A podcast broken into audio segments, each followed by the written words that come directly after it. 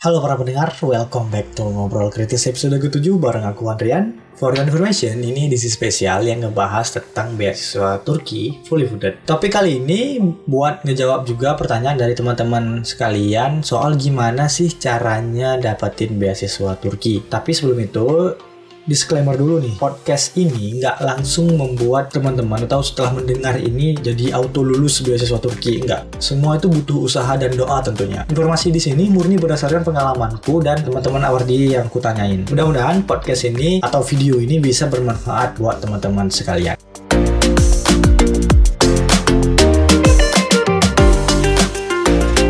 Kita mulai dengan pertanyaan apa sih beasiswa Turki itu? Buat yang mau apply, kalian harus tahu tentang hal ini karena mengenal pemberi beasiswa itu salah satu uh, perjuangan ya mendapatkan beasiswanya.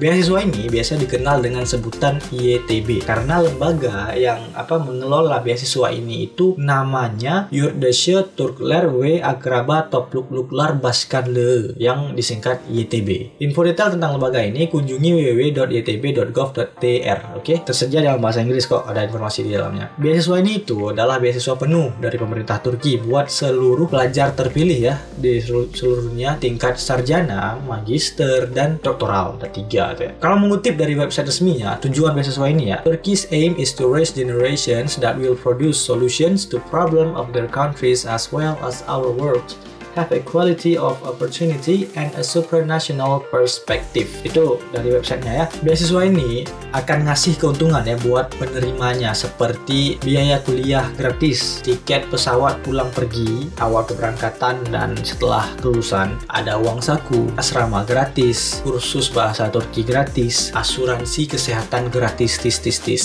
Nah, uang saku di sini ya beda sesuai jenjang pendidikan. Ini perlu ditambah sedikit. Buat sarjana itu 800 lira per bulan magister 1100 lira per bulan, doktoral 1600 lira per bulan. Ya menurutku cukup banget lah buat bertahan hidup ya di Turki ya. Well kalau mungkin kota besar ya butuh penyesuaian lah dananya. Selain itu yang unik dari beasiswa Turki ini nih adalah pengurusan universitas dilakukan oleh pihak pemberi beasiswa. Jadi kamu nggak perlu repot nyari LOE ya. Kalaupun ada lebih bagus gitu loh. Dengan begitu banyak benefit yang diberikan beasiswa ini nggak heran ya kalau di tahun 2019 saja pelamarnya nyampe sampai 150 ribu orang. Nah, kemudian kita lanjut ke cara daftar dan ngomongin nih tahapan sebenarnya yang menurutku agak tricky, nggak susah dan nggak sulit juga. Ya middle-middle lah. Cara daftarnya itu kan kawan harus punya akun di tbbs.turkiyeburslari.gov.tr. Kalau nggak punya gimana? Buat cuy. Gampang kok. Dari situ teman-teman isi dulu data diri dan data yang dibutuhkan. Nanti ketika pendaftaran beasiswa udah mulai, baru bisa apply. Tahapan beasiswa ini kemudian ada tiga menurutku. Pertama alurnya itu persiapan, pendaftaran, pengumuman hasil. Jadi usahakan jangan alurnya jadi pendaftaran, persiapan, pengumuman hasil. Kenapa? Karena nanti agak ya agak sedikit repot. Kalau YTB ini ya setauku sampai sekarang cuma ada dua dua fase dalam seleksinya. Yang pertama itu seleksi tertulis dalam hal ini ya dokumen essay, sertifikat mungkin rencana penelitian, itu khusus untuk buat SD, S2 dan S3. Kedua itu seleksi melalui interview. Jadi untuk bisa ke tahap interview, teman-teman harus lulus seleksi pertama. For your information, yang interview kita itu bukan orang Indonesia tapi orang Turki langsung gitu loh. So, usahakan bisa bahasa Inggris untuk komunikasi yang jelas. Bisa bahasa Turki tentu jadi nilai lebih ya. Dan ada beberapa bahasa yang diakui. Sekarang kita ngobrolin tips buat lulus beasiswa ini. Oke, siap. Oke, ini berdasarkan pengalamanku pribadi dan beberapa awardi lain ya yang pernah aku tanyain. Yang pertama itu setting mindset. Oke, kenapa? Kenapa ini? Pertama dan yang paling utama itu menurutku ya. Karena mindset ini jadi landasan itu berbagai hal yang nantinya akan menentukan kualitas dari application seorang pelamar beasiswa. Gini kawan, kalau kamu daftar beasiswa karena iseng gitu dan kebetulan ada waktu kosong, pasti beda kualitasnya dengan yang daftar karena tekad sungguh-sungguh dan persiapan dari lama. Ya bisa juga tercermin dari essay yang ditulis, ya mindset pengen liburan ke Turki itu sama yang pengen belajar dan cari pengalaman berharga itu pasti tercermin ya tercermin beda di berkas applicationnya. Berbagai pengalamanku, berbagai LOI yang udah pernah aku baca dan aku bantu revisi, itu udah ngemutin hal ini. So, Anda harus set dulu mindset ya sebagai pelamar beasiswa yang memang niatnya itu mau belajar itu, mau belajar dan nyari pengalaman ke Turki. Supaya pemberi beasiswa juga ngerasa oh yakin itu yakin memberikan anda kesempatan plus uang yang nggak sedikit ya buat ke Turki. Ya, selama di Turki juga nanti dikasih uang. Baca-baca juga apa tujuan beasiswa Turki ini seperti yang eh, aku bilang sebelumnya ya sesuai kayak di website resminya. Jadi biar teman-teman tahu orang seperti apa yang dicari oleh pemberi beasiswa ini.